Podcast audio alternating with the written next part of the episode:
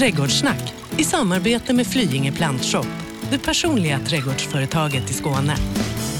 Ja, då var vi tillbaka i trädgården. Mitt så här efter julhelgen var ju förra avsnittet Annika Sjölin. Mm. Ja, eh, har du fått några kommentarer folk så här med, efter programmet om just jultänket?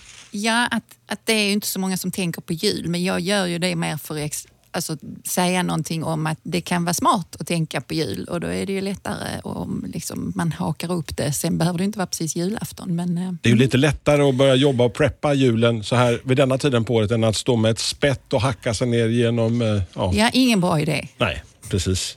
Eh, Du, vi pratar om utmanande saker den här Mm. veckan. Jag tänker lite kring det och många gånger när man träffar kunder så tänker jag, vad är det som är utmaningen? Är det för att man gör det svårt för sig eller är det så att man kanske ska anpassa sig efter de svårigheter man har i sin trädgård? För där är ju ganska många som har en jobbig jord eller jättevindutsatt läge eller så. Och så vill man ha saker som absolut inte borde vara där. Man vill så gärna. Och så Nu låter det så jag. komplicerat. Du har avdramatiserat ett antal program och så nu plötsligt känner jag som att det är skitsvårt där. Nej, det är inte skitsvårt. Det är bara det att man ska liksom omfamna de här svårigheterna och tänka det som, åh, det här fixar jag. Så ska man tänka. Vi hjälper jättegärna till. Du, alltså, vi glömde, vi har, du har dragit med en eh, kompis från Plantfoppen. Jag behöver inte dra honom. Han vill jättegärna följa med. Ännu en av de goa gubbarna från västkustens pärla, Magnus Karlström. Ja, då var jag också med. ja, just det. Alltså, visst är det västkustens pärla? Eller? Eh, Det är definitivt Ja, eh, Göteborg. Ja. ja, så det är två göteborgare, en skåning. Vem vinner? Ja, Mm, okej. Ja, komplicerade lägen. Eh, Magnus, du berättade innan vi klev in i studion här att eh, du har varit på ett ställe där, där de verkar inte ha så komplicerat. Du har varit i Skottland på din lilla semester. Det stämmer bra det. Och det är klart att de har sina komplikationer. Allt växer ju inte bra bara för man får mycket nederbörd eller har ett jämnare klimat. Vad var det du sa, mycket, här, tre meter om året eller? Eh, Tre meters nederbörd, tre meter regn om året, 3000 millimeter. Shit. Det är mycket. Och jag har 650 hemma i min trädgård så det är klart att eh, de- den skillnaden gör ju eh, väldigt mycket för utveckling av växtmaterial. Ja, precis. Och så berättade du här 18 meters rhododendron. Ja, Men, det, men, de, men de har ju sina utmanande lägen där. Där är ju mycket växtmaterial som vi odlar här då som de inte överhuvudtaget kan ha och man har då träd kanske som inte växer på det viset som man tänker sig. Så att eh, värme och nederbörd är inte allting utan alla lägen kan vara utmanande och svåra. Alltså, var börjar man, eh, Annika och Magnus, så här, Sen, o- o- om, man nu eh, står där och har lite, minst sagt lite komplicerat ställe med både lite olika klimat och lite olika jordmåner. Vi struntar lite i klimatet tycker jag idag. Vi håller oss här nere i Skåne, ungefär i alla fall i vår eh, zon då. Och sen så klimatet när det gäller fukt och regn och så, det får vi bara gilla läget. Men egentligen är det ju inte så svårt för de flesta. De allra, allra flesta har ju bra jordar och hyfsade förhållanden när det gäller vind och ljus och möjligheter och så. Så de vi ska försöka hjälpa idag, det är de som inte har det, utan de som har besvärligheterna. Och om man nu bor i, i något läge där man upplever att man har det besvärligt så kan man ju kolla, sig, kolla runt bland grannarna då. Eh, om man nu har samma jord och ljus och vind och, och så och så har grannarna någonting som ser väldigt friskt och fint och bra ut. Eh, Alltså snacka med grannen först. Det känns ju tryggt kan då man- när man flyttar in där, nya grannen och ska man då börja bonda med, med de som man ska bo där ett gäng år. Så smyger man omkring där och tissetassar och kikar över häcken och sådär. Då Ja. tänker man, vad är detta för någonting som har flyttat in? Man kan ju presentera sig först. Man kan göra det. Vad tror du om det? Den funkar den också. Ja, kan göra det. så. Eh, Men eh, så här, eh, vad är det vanligaste här nere i våran del av Sverige? Vinden är ju besvärlig. Framförallt i de Den jobbar ny- hårt här nere. Mm, det gör den. Framförallt i de här nybyggda områdena där vi nu sitter till exempel i, i den här Hylja. Ja, Just det. där blåser det mycket. Så att, mm. Och så, så på vissa håll så är det ju väldigt torra jordar då. Av, av de här vindarna så blir det torra jordar eller kanske? Mm, kanske så att det ena liksom bättrar andra? på den negativa effekten av det andra. Så en sån har vi. Och det, så tänkte jag, alltså, kan man koppla in Magnus här nu då? Om vi nu har det jädrigt torrt. alltså en sån lätt jord, ni vet. Så när man liksom tar i den så är det nästan som att gräva i en sandlåda. Och så vind och så soligt på det. Ja, vad gör doktor Magnus då?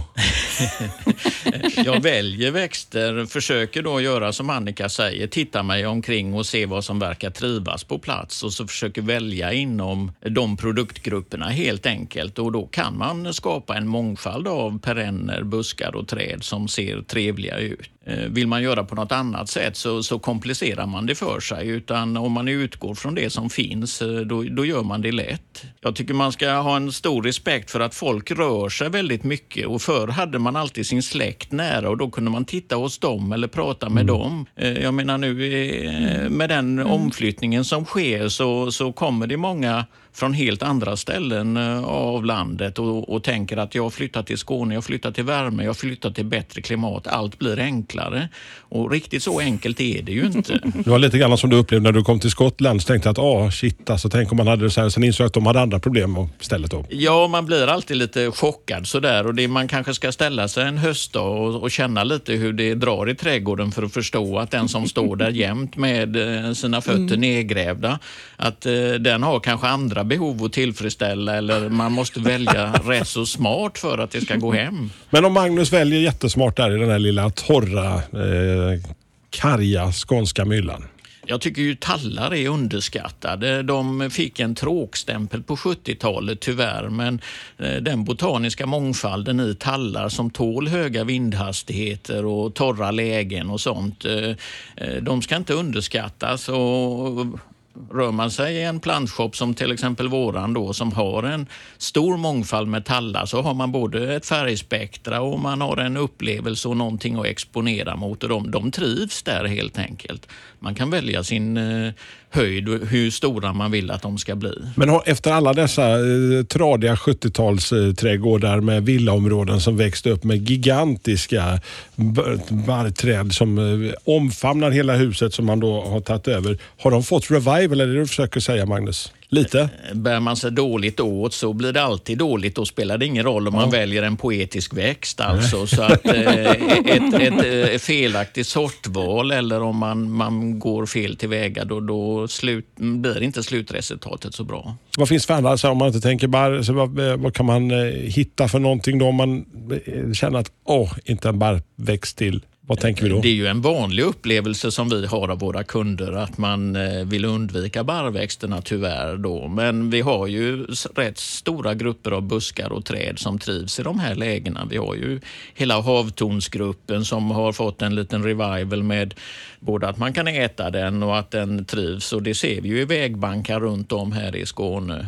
Och där finns det ju flera olika individer med lite olika utseenden. Vi har hela oxelgruppen. Eh, tittar man i kustlägen i ansträngda ställen så oxel har också tyvärr en tråkstämpel men det finns många med, med fina bärupplevelser, blomupplevelser och lite annorlunda löv som, som tål de här höga vindhastigheterna och uppför sig väl.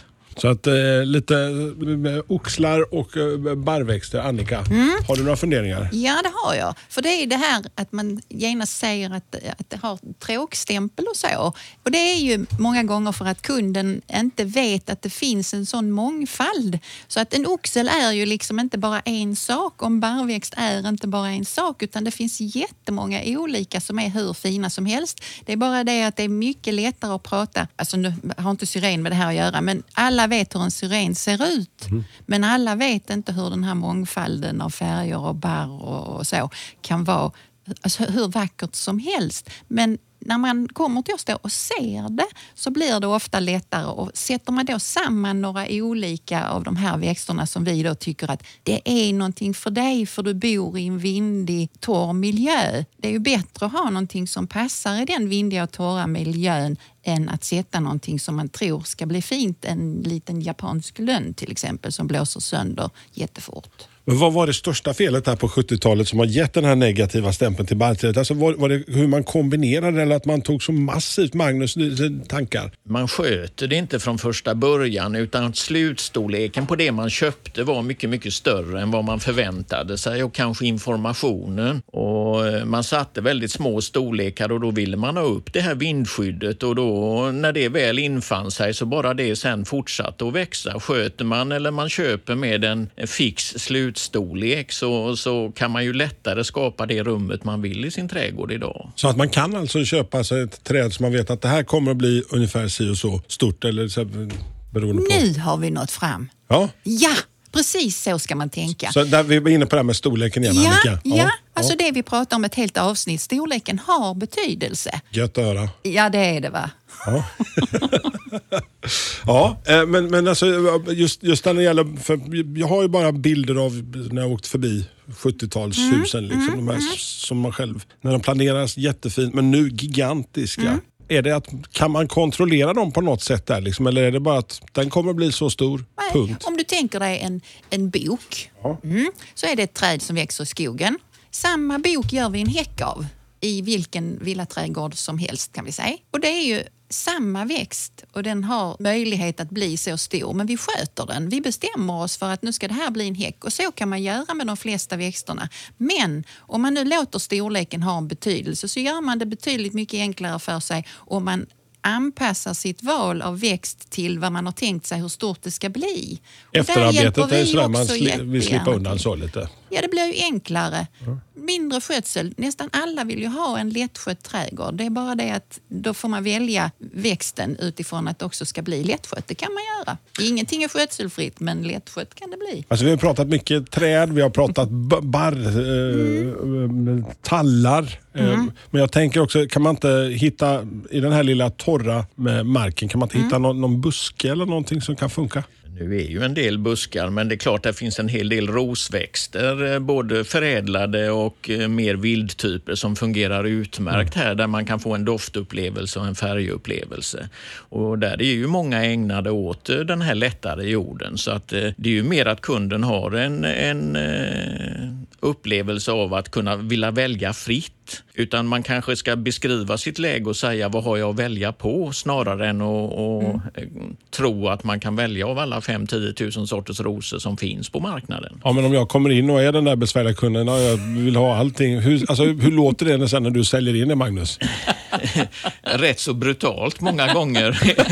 Eh, Nej, men jag tror att kunden förstår. eh, Jag tror ju att människor överhuvudtaget förstår när man är allvarlig och säger att så här fungerar det. Eh, Skapar man sitt vindskydd i det här lite utsatta läget eller man byter sin jord så spelar vi en annan division för där är ju väldigt många människor som bor kustnära och är utsatta och som eh, tar nytta av det här kustnära läget och lyckas väldigt bra. Men det är ju det att ingen växt, den är ju en levande individ och ger vi inte den det den behöver så kommer det inte fungera. Då är det kört. Ja, eller helkört, men det står ju och stampar och ser inte Ja. speciellt poetiskt Händer, händer ingenting liksom riktigt. Eh, Nej, definitivt inte. Jag tror också att det ibland kan vara så att vi har ett lite annat öga.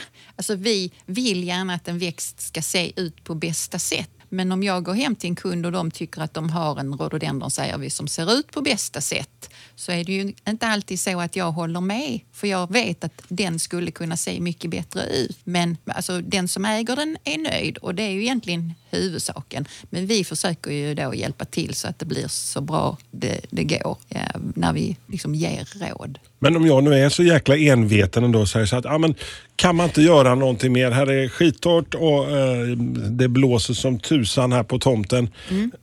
kan man eh, så här, hjälpa dem på traven? Finns det några quickfixar där? Ja, alltså det blåser oftast från sydväst och nu vill Okej. du absolut ha någonting som, som ska stå i det här vindiga läget. Då får du se till så att du kanske bygger någonting, alltså ett spaljéstaket som silar vinden eller någonting sånt där och så kan du ha den här kanske lite mer eh, vindkänsliga växten där innanför. Och då är det så att om du bygger ett vindskydd som låt oss säga är två meter högt, det ska vara genomsläppligt, det ska inte vara helt tätt för då bara smäller vinden i. Och sen så tänker du dig att det läar ungefär tre gånger höjden. Så sex meter in från det här då så har du ett hyfsat lä. Och då är det ju inte så att om man nu sätter ett träd bakom det här lät så är ju stammen och eh, kronan lite olika. Stammen tål kanske vinden men kronan som hamnar ovanför det här vindskyddet. Så det här vindskyddandet ska man kanske mer tänka sig för de lite mindre och lägre växterna och så. Som, och kanske inte för att liksom, bygga upp ett skydd för ett stort träd för det är nog lite svårare vidare. Där ska du absolut anpassa dig till att välja ett träd som är vindtåligt. Men då har vi jobbat med blåsten, men sen har, har jag den här skittorra jorden. Mm. Den vi har vi varit inne på några gånger känns Ja, det som. jo, och det är tack. jättebra. Men repetition är lärdomens Ja. moder som de brukar säga. Ja, jordförbättring är ju allt. Eh, Mm. Det är ju väldigt enkelt att köpa bra produkter och, och förbättra för att när roten står där i marken så vill den ju plocka i ett matförråd och är det lite mer eh, rikligt och bredväxande så tillhandahåller man ju fler näringsämnen och det gör man ju med de här vanliga Mm. kompost, kogödsel och lite mer fuktighetshållande jord och då upphäver man ju en del av svårigheterna. Kanske inte vindhastigheten men man skapar ändå en, en större botanisk mångfald enkelt genom att jordförbättra. Då får man göra det rejält. Man får inte vara för snål helt enkelt. är det år, årligen en jordförbättring eller? Alla som har bott kustnära, eh, man krattade ju tång och man hade tångtäkter under Ja, flera hundra år och de släppte man ju inte till någon annan och det gjorde ju både näring och man täckte sina rabatter och sina åkrar för att få lite tillskott. Och, eh, alla de här sakerna handlar ju egentligen om att få en, en bättre struktur för att i en väldigt lätt jord så dränerar det för snabbt helt enkelt och då är det ju egentligen bara växterna som vill ha en sån dränerad jord som kommer trivas där långsiktigt. Men jag behöver alltså som, som eh, min vanliga villatomten, om jag nu ska, eh, ska jordförbättra den här lilla snustorra jorden, slänga på någon, några säckar om året. Det bör man göra och ju längre man håller ut där, eh, kanske under en 10-15 års period, så har man ett antal grasdidsår sen under kanske 5-10 år. Men den som tycker om sin trädgård fortsätter ju, för det handlar ju om vanlig hushållskompost och väldigt enkla grepp egentligen. Gräsklipp, eh, löv, eh, allt som folk slänger som avfall kan många gånger användas till jordförbättring på olika, i häckar, under träd och det tillför humus och humusämnena förankrar upp näring och det tillför växterna eh, näring och det, det är det de vill ha. Så en väldoftande kompost är eh, bra att ha på plats. Ja, så inte städa bort eh, för mycket utan liksom att det kommer tillbaka till jorden. Alltså vi som är lite ståliga trädgårdsnördar, vi kan liksom eh, lite kivas om vem som ska släpa hem säckar med löv eh, som har krattats upp någonstans. För då lägger vi det i våra trädgårdar för vi vet hur bra det blir på lång sikt om man har en, en sån här Så att jag kan, jag kan fylla en, en, en, en släpkärra och köra hem till dig så blir du glad. Ja, då Alltså, blir jag istället för en jätteglad. flaska vin eller någonting. så. Ja, och det var lite, le- alltså det var lite komiskt. Vad är det för löv du har? Det är problem. Just det, det är lite beroende på löven. Men en sån, eh, sån grej, alltså när jag skulle täcka lite känsliga växter, då åkte jag till skogen och krattade boklöv. Den ena häck, alltså säcken efter den andra, folk tittade lite Alltså, Ja, vad gör nu är hon där igen, hon med säck, Ja, säckatanten. så Så, att, eh, ja. man, man städar inte för mycket i trädgården. Och om man nu vill städa så kan man gärna lägga tillbaka det man har städat där det låg. Jobbar du på det viset här med din trädgård Magnus också eller? Definitivt. Eh, Och sen olika löv till olika ställen. Då, att man använder kanske bok och eklöv som innehåller mer eh, surare ämnen. Det lägger man i rhododendronavdelningarna. Och har man eh, björklöv, lindlöv och lönnlöv så kör man det i övriga rabatter. Så, eller att man blandar det och gör en kompostmix själv av det. Jag, jag har ju mina eh, plommon och äppleträd där hemma. Hur eh, funkar de bäst? Löven när de börjar släppa här om några veckor. De är ju alltså trevliga att kompostera. Sen är det ju i vanliga trädgårdssammanhang kan man ju ha en del svampsjukdomar och sånt just i eh, äpple och plommonlöv. Så där är det ju alltid viktigt då att man har eh, en hyggligt varm kompost så att man bränner bort mycket av de sakerna. Men när det väl är förvandlat till en mull så är den ju jättebra att använda. Man kan gräva ner det i trädgårdslandet direkt också i färskvara för då skapar man en syresättning och så bryts ner, löven ner på naturligt sätt. Välkommen Välkommen till Flyinge Plantshop, ett riktigt gardencenter där kunskap, kvalitet och service är en självklarhet. Bara tio minuter från Lund finner ni allt från perenner och buskar till stora träd, jord, gödning och tillbehör. Nu har vi även öppnat ett mysigt café där ni kan sitta ner och njuta, både ute och inne. Beställ från vår nya kafémeny. Kaffe, kakor, smörgåsar eller fräscha sallader. Välkomna till Flyinge Plantshop, drömmen för alla trädgårdsälskare vi har ju haft det torra, vi har haft det blåsiga och nu tänker jag istället tvärtom. Det måste ju finnas den varianten, någonting som är så mulligt och sån kraftfull, vad du brukar kalla sån jord? Annika? Men ja, den där mulliga, den, den gillar jag. Alltså det är den som... Den där som tjocka, är- styva lerjorden, som- du brukar säga. Ja, just det. Den som man får ha Ja. ett spett för att få upp en Exakt. maskros. Eh, De här riktigt tunga jordarna och så vind på det. Det är också ganska eh, många som kommer och frågar kring Åh, vad ska jag ha? Eller den dog och varför det? Och, och sådär. Så att, mm, det skulle vi också kunna prata lite om. Tunga lerjordar är väldigt jobbiga att diskutera för att man... eh, Du får träningsvärk bara av tanken eller så? Eh, eller? Ja, alltså det är ju det där att man bör ju gräva generellt kanske till 50-60 centimeters djup. eh, Så man brukar ju se om kunderna verkar friska nog att klara det innan man uppmanar dem att gå på lite hårt.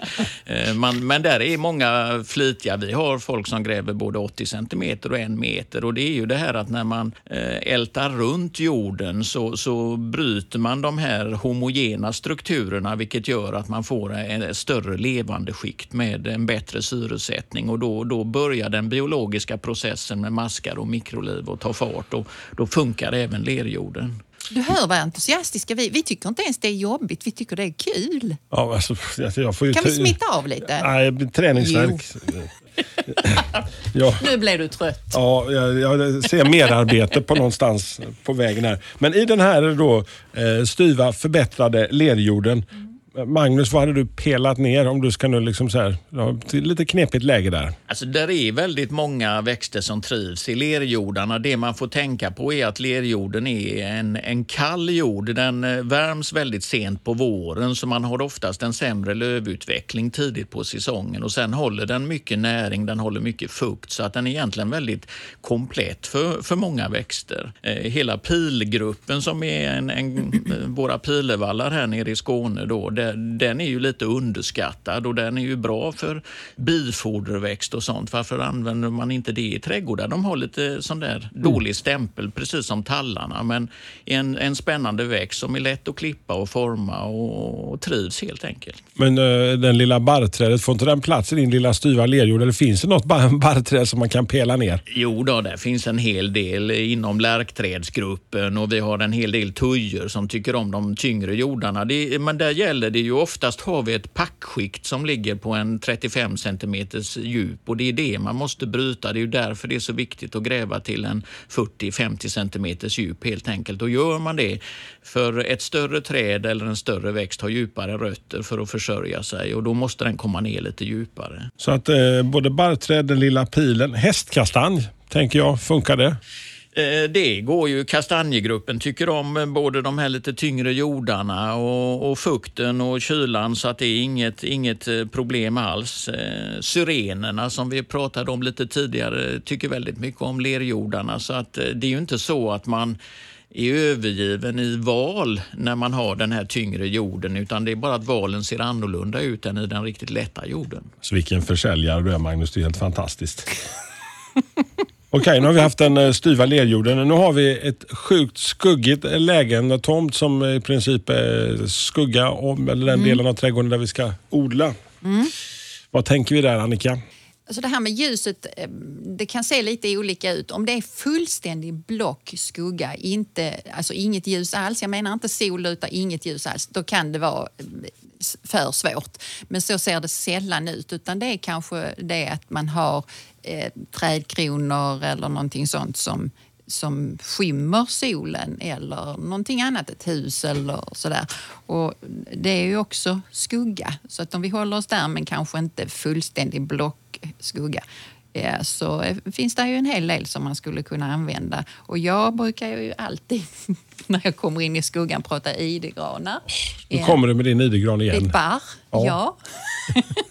Men den är ju utmärkt i de skuggiga lägena. Ja. Så att, och där finns ju, det är det att när man pratar om, som vi har gjort här tidigare, metall eller idegran, så tänker man det finns ju bara en. Men om man tänker på de 2, 3, 400 vanligaste sorterna eh, och att en plantskola kanske har i alla fall ett utbud av 5 till 15 stycken och eh, i en färgskala så har man möjligheter även med en växt som man själv kanske tycker att ja, den här är lite tradig men eh, där finns ju om man skrapar lite i, eh, i i sortimentet så hittar man då kanske den färgskalan och den höjdskalan och det utseendet som man önskar om man ger det en chans. Hybrid-idegran. Ja, det är bra. Alltså det finns, jag brukar prata med en sort som heter hilli. Eh, för ibland så dyker det där upp eh, med att det finns giftiga bär på de här idegranarna. Då. Men då finns det idegranar som inte sätter några bär. Eh, det är en sort bland annat som heter hilli. Då. Men det finns även andra, så det behöver man inte heller vara orolig för. Så lite idegranar när det Mm. gäller barrträden. Buskar. Finns det någonting som trivs bra i den lilla skuggiga trädgårdsändan, Magnus? Det gör det ju. Det är ju det här att ljusinsläpp och sol oftast ger upphov till blomknoppar så man får oftast en, en, eh, en sparsammare blomning i skuggiga lägen. Men vi har ju både rosenhallon, en gammal klassisk växt som sprider sig en hel del och flera smällspiréer och eh, ligusterväxter som, som trivs i de här lägena så man är inte, inte så övergiven som man tror. Det är väl mer att när man ställer frågan så brukar det här mörka läget förvandlas till något ljusare i informationen för att kunden då önskar en något mer blommande växt. De trodde att du skulle döförklara deras trädgård, eller? Lite så.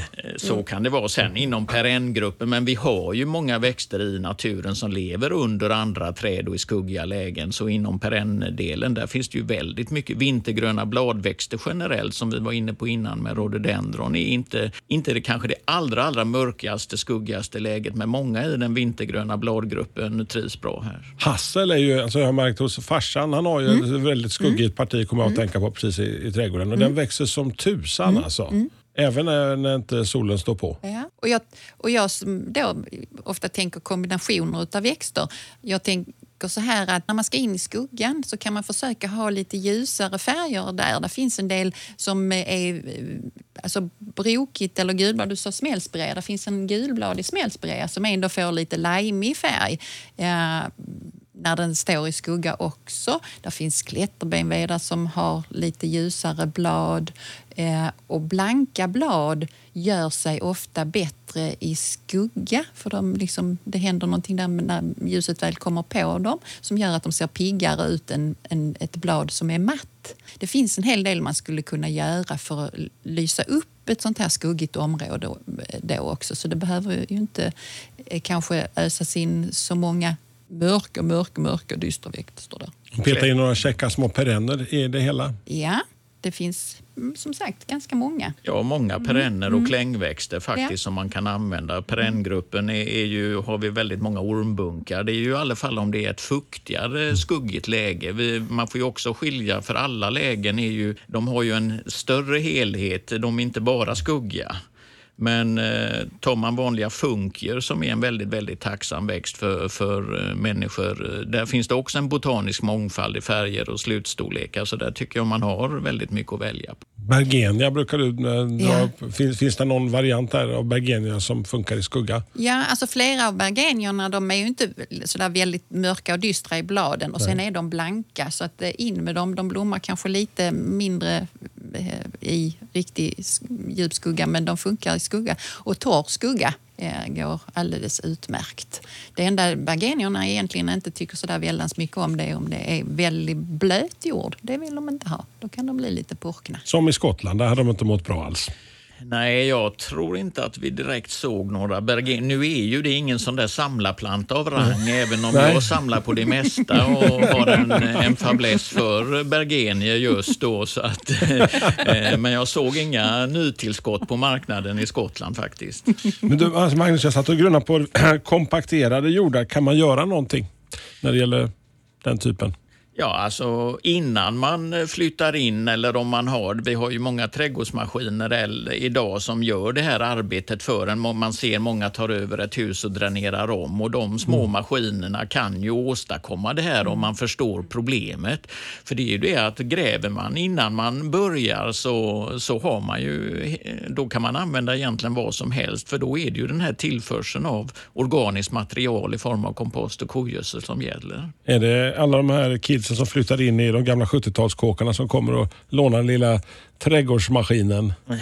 Ja, jag tror det är rätt ovanligt att man gör det. En del gör det, men, eh, men eh, jag tror att man provar att plantera först. Mm. Och så Sen ser man att det inte fungerar och så undrar man vad det är för fel på växten. Och den problemlösningen är ju oftast att det är grundarbetet som, som fallerar. Jag tror många som har problem med de här kompakterade jordarna det är i många av de nybyggda områdena där man nyligen har kört med jättestora okay. tunga maskiner. Så när de nu bygger här ett villaområde så tittar man, då skapar man bort matjorden och sen så gör man liksom vägar av grus så att de stora bilarna och, och så kan ta sig fram. Och sen så lägger man kanske tillbaks när man har eh, byggt färdigt ett litet matjordslager då. Men därunder så kan det vara jätte, jätte, jättekompakt. Och de kunderna träffar vi ganska ofta och det är de som har planterat någonting och så gick det inte så bra. Så får vi prata grundarbete. Gör man det kanske innan man eh, till och med flyttar in, att någon gräver runt där till en och lyfter jorden och släpper ner den och så. så att den liksom man ska vara lite kräsen där mot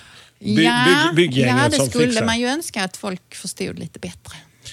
Jag vet ju att du är så eh, glad i dina kombinationer. Vi brukar alltid komma någonstans i våra program. Så jag tänker att varför ska vi... Varför inte nu? Varför inte nu? Precis. ja, jag satt och grunnade lite på det där i skugga. Och det här med att få in lite färg. Det finns en humle som vi skulle kunna ha. Nej, sluta nu med din humle nu. Nej, jag tycker om humle. Och då är det så att idag har jag en humle som är lite gulbladig. Eh, guldhumle kallar man den ibland. Eh, och den, är inte, alltså den växer inte fullt lika mycket som många av de här som är gröna i bladen. Mm. Då bara. Eh, så nu gör vi en liten skogsmiljö där inne i skuggan och så använder vi eh, till exempel raggträjon, normbunke som blir lite högre eh, funka var vi inne på. Mm. Då har vi en kombination, alltså då har vi någonting som åker uppåt, eller åker, det växer uppåt heter det. Och sen så har vi raggtrionen som är lite så fnasig, liksom, eller finflickig Vad sa skulle man kunna säga. Raggtrejon? Ja, raggtrejon. De okay. är jättetrevliga. Och sen så skulle man kunna plocka in någonting som är storbladigt där också tillsammans med det som trivs i samma läge. Och då skulle man kunna använda en daggfunka till exempel. Det är en av de där funkorna som blir rejält stor. Ja, och om jag nu ska koppla på lite det vi kommer att prata om längre fram eh, i vår lilla programserie så är det att det här går alldeles utmärkt att underplantera med små lökar det kommer vi prata om lite längre fram. Och, så, och då är det inte alla lökar. Så inte, jag hade inte satt tulpanlökar där till exempel utan jag hade kanske valt de här skilla och eh, vintergäck och så i den miljön. Vi ska bubbla lite grann med lökar här framöver. Jag tänkte också på att vi är ju den här eh, delen, eh, slutklämmen av sommaren. Mm. Och vad är det för att fixa i trädgården? Vi har pratat jasklippning mm. eh, nu ett par veckor. Mm. Juli, augusti, september. Mm. Beskärningen pågår. Mm. Var är vi någonstans i processen just nu mm. ungdomar?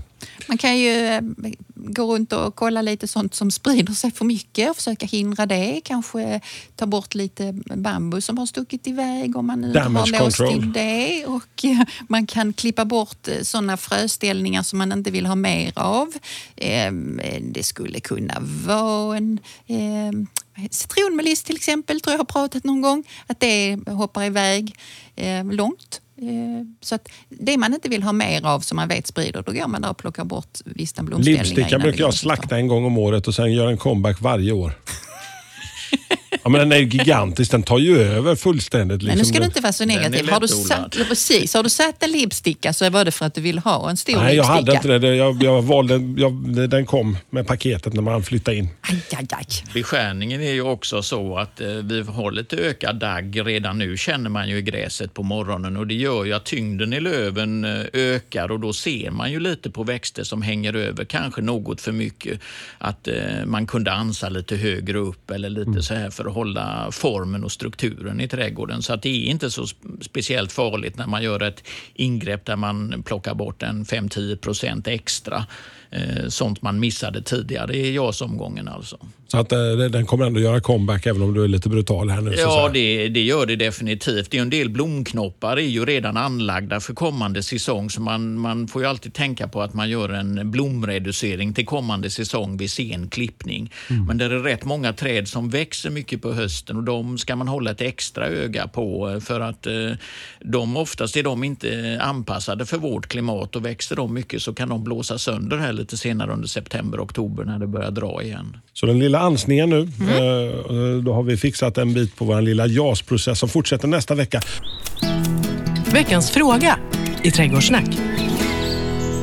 Och vi kommer till den här lilla glada programpunkten som vi kallar för veckans fråga. Det är Sandra som skrattade gott åt vårt julbord förra veckan. Eh, och hon skriver, eh, hej Hasse och Annika. Jag vill ha en gran att sätta belysningen till jul i. Eh, den får inte bli för stor. Hur ska jag tänka? Magnus, jag har ju förstått att Annika att du är lite grann av äh, Flyinge Plantfops julgransexpert. det, är det är precis vad jag är. Eller är det att du är tomte på loftet? man vet aldrig. Det. Ja. Nej, men man har många möjligheter. Det svåra med just eh, något att sätta belysningen i att man vill att det ska vara lite stort från början eh, så att det ser någonting ut. Så man har en möjlighet att sätta någonting man intellektuellt vet kommer bli för stort och beskära det. Eller att man eh, sätter någonting i lite äldre storlek som växer långsamt. Eh, Koreagranen till exempel med sina dekorativa blåa kottar mm, mm. uppåt. Det är ju en gran som kommer bli en 2-3 meter under en 10-15 årsperiod. Sen ibland eh, är ju det här, man kanske ska se dem som slit och släng-grejer. Man sätter i en gran, man kör den i 10-15 år, sen sågar man bort den och sätter en ny. Mm. Att man behöver inte heller tänka, jag grävde ner denna och så den ska mina barnbarn skörda om 80 30 år och sälja som timmer och tjäna pengar. Utan man kanske ska se växten mer som eh, en upplevelse då för sin julbelysning. Ja. Eller för plånboken också. Man kan också se det som att man har en liten julgransodling hemma i trädgården och så kan man då, alltså för grannarna som är lite lata, ska man såga så här vart, hur ofta hur snabbt det nu går för att växa upp dem till lämplig storlek. Ja, det kan man definitivt göra. Men man har, precis som med tallarna, en mångfald att välja på granar. Mm. Alltså den här optimala storleken, den är ju personlig. För det handlar ju om hur våran mm. entré ser ut. Mm. Och, eh, nu frågeställaren här vet man inte riktigt vilket utrymme. En barrväxt vill ju ha ljus på hela sin barrmassa för annars så släpper den en del barr. Så den ska ju stå i ett öppet, lite exponerat läge. Men då är, finns det många granar att välja på som fungerar utmärkt. Vilken, vilken är så här, en, en, tänker en lagom gran som är inte så gigantiskt stor, som ändå har lite så Disney-gran ute i trädgården. Det är ju det att då vill man ju inte heller ha vassbarriga granar och det är ju ett problem för egentligen är blågranen väldigt lämplig, blå och silvergranen. Där det finns ju olika nyanseringar från grönt till mer grågrått och mm. de är ju väldigt, väldigt snygga men eh, då får man ju be någon annan sätta i belysningen eftersom de är så vassa. Det finns en lösning på det. Ta på dig ett par handskar. Tänk va. Ja. Men, ja, men om man nu vill vara nåldyna så tar, kör man utan handskar. Ja, jag hoppas att jag har gett svar på tal. Är det, är det så att du har någon fråga där ute som eh, du har funderat kring din trädgård, för tusan skicka in den till oss. Gå in via Trädgårdssnacks Facebook-sida eh, och eh, plita några rader så ska vi försöka svara på det så gott vi kan. Nästa vecka Annika, då tänker mm. jag vet att du har sagt att eh, nu ska vi upp eh, och bygga tak. ja, bland annat. Alltså jag tänker på de som har en fullständigt tom trä. Alltså de som nu bor i de här nya villaområdena. Så. Väggar, golv och tak. Alltså det här basen som man börjar med och lite tänket kring det. Det ska vi prata om nästa vecka. Det är fantastiskt. Och så får vi eh, önska Magnus Karlström lycka till i höstens trädgårdsarbete. Eh, jag ringer dig när jag behöver eh, ja, sätta upp ljusen i granen. Då. Man kan ju lyssna på podden också så har man allting samlat och klart eh, där. Jag tycker vi är väldigt tydliga och hoppas att folk både tycker det är roligt att lyssna på och ta till sig informationen. Precis. Det behöver inte vara så jäkla komplicerat. Det är ju bara en trädgård, eller vad säger ni? Absolut. Ja, det är en stor glädje. Trädgårdssnack i samarbete med Flyinge Plantshop, det personliga trädgårdsföretaget i Skåne. Dina händer är viktiga verktyg för arbetsdagen. Så den här veckan har vi 25% rabatt på alla skyddshandskar hos Swedol. Ja, visst, passa på! Kika in i din närmsta butik eller handla på webben. När du köper skyddshandskar, välj Swedol för säkerhets skull.